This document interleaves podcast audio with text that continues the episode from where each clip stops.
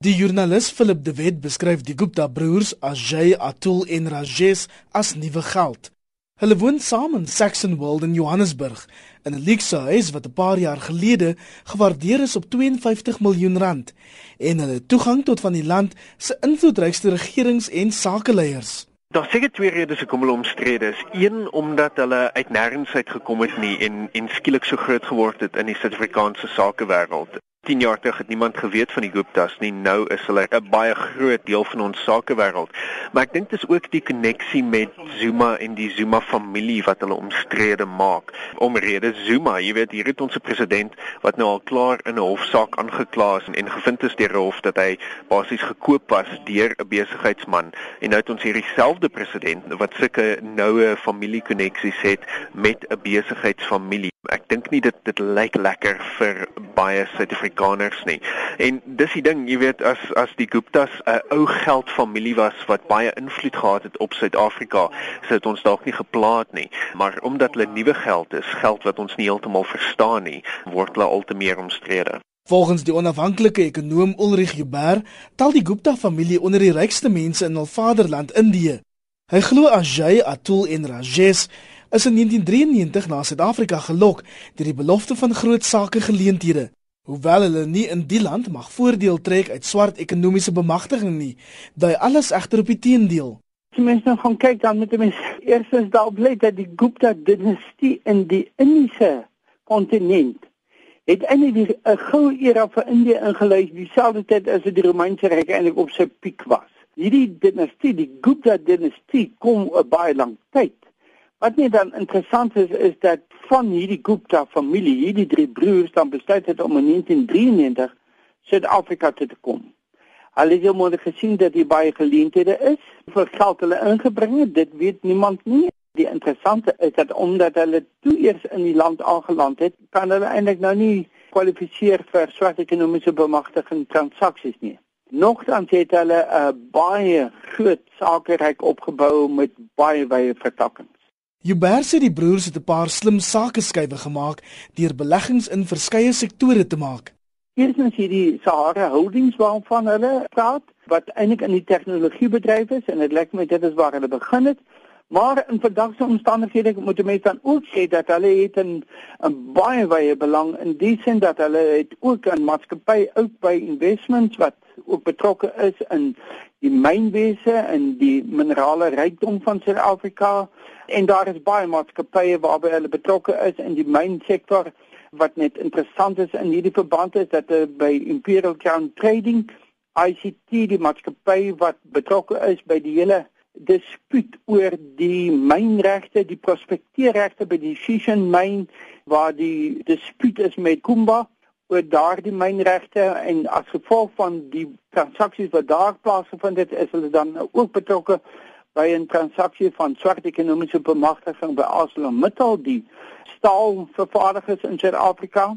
En dan natuurlik die ander ding wat vir ons in Suid-Afrika nou ook interessant is, is dat hulle in in die media betrokke is en ons weet dat hulle dan betrokke is by eh, die maatskappy se naam is TNA Media wat dan betrokke is onder andere by die New Age koerant wat mense dan nou maar kan sê ANC vriendelik is. Volgens die sakejoernalis Ryk van Niekerk het die Guptas begin namaak as die eienaars van Sahara Computers. Intussen het die New Age koerant en ook by investments bygekom. Sahara Computers is volgens van Niekerk in die jare 90 begin. Dit het taamlik vinnig gegroei en een van die grootste onafhanklike 'n rekenaar weet verskaffers in die land geword en dit het hier vroeg in die 2000s 'n hele paar groot regeringskontrakte gekry. Maar op die oomblik is daar baie min eintlik bekend oor die maatskappy. Uh, hulle verskaf handelsnaamrekenaars aan verskeie kleinhandelaarsgroepe insluitende Incredible Connection, Hi-Fi Corporation, die OKC en al hierdie tipe van herverspreiders wat dan hierdie rekenaars aan die publiek verkoop.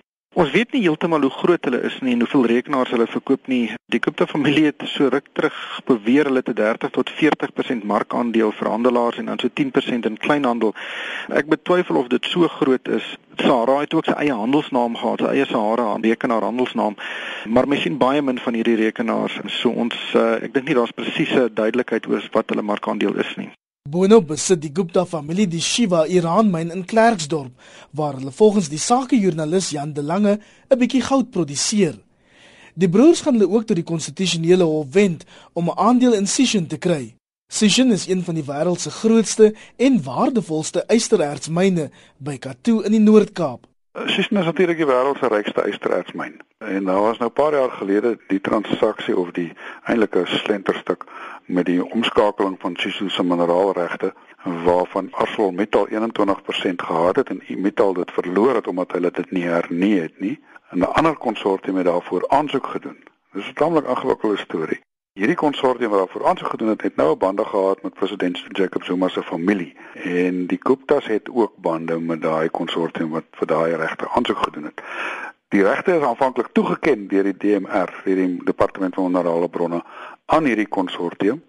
En toe het ArcelorMittal wat hierdie regte verloor het, probeer om 'n sogenaamde bemagtigingstransaksie ter waarde van 9 miljard te doen met 'n ander konsortium maar dieselfde rolspelers die Ayegobi konsortium. Uh, President Zuma se seun, Duduzane was byvoorbeeld in hierdie konsortium. Toe die die middeltransaksie bykom, was ook by Investments wat 'n Gupta familiemaatskappy is, ook 'n aandeelhouer in hierdie Ayegobi konsortium. Dan hulle sou 'n aandeel in Sishen verkry basies ter waarde van 9 miljard rand. Maar die, die transaksie het soveel verleentheid vir ArcelorMittal ingehou dat hulle dit gekanselleer het. Om so invloedryk te wees, moet jy groot geld hê. Maar Joubert sê dit is moeilik om presiese syfers te waag omdat baie van die Gupta se maatskappye in private besit is. Nie die maatskappye word nie genoteer op die aandelebeurse en word verplig om vir ons hulle state bekend te maak nie. Daar is geen aanduiding van hoeveel geld hulle regtig ingebring het in die land nie. Mense aanvaar dat hulle het van hulle bronne uit Indië saamgebring toe hulle uh, Suid-Afrika toe gekom het. Op die onderwys mense sê ja, die Sahara rekenaarmaatskappy, dis eintlik maar die ding waarmee hulle begin het, maar op hierdie stadium is die sakebelang natuurlik baie wyd versprei.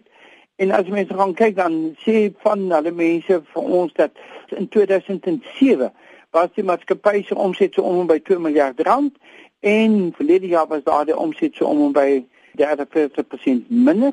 So sê dit na 700 miljard rand en hulle sê dus dat hulle kontakte met die staatspresident of met sy familie het nie regtig vir hulle ekstra geld in die sak gebring nie, maar mense weet dat uh, uiteindelik het op die onder baie baie uh, sakebelange en mense wil ook sê gegee die feit dat van Zuma se kinders daarbey betrokke is van die ander mense soos meneer Zim is betrokke en so daar is 'n hele klomp mense wat betrokke is in in hulle maatskappye. Ek dink hulle is goed gevestig. Hulle het baie baie sakebelange en baie goeie koneksies in Suid-Afrika. En dit is juist die soort sakekontakte wat die rooi ligte vir Suid-Afrika behoort te laat flikker. Veral dat die naam van president Jacob Zuma so dikwels in dieselfde asem as die van die Gupta broers genoem word. Die politieke ontleder, professor Dirk Kotse baie nou verhouding tussen 'n besigheid en die regering het altyd die gevaar dat daar kon van belange kan ontwikkel. Ons het dit gesien in 'n geval van korrupsie sake. En ek dink dit is een van die grootste vrese is is dat daar 'n oorveling het ontwikkel tussen die besigheidswêreld se privaat belange en dan die openbare belang. En ek dink dis een van die punte wat werklik byvoorbeeld deur die Gupta situasie ook nou bedreig word. Professor Dirk Kotse, 'n politieke ontleder verbond aan die NISA. Ek is Aver Price in Johannesburg.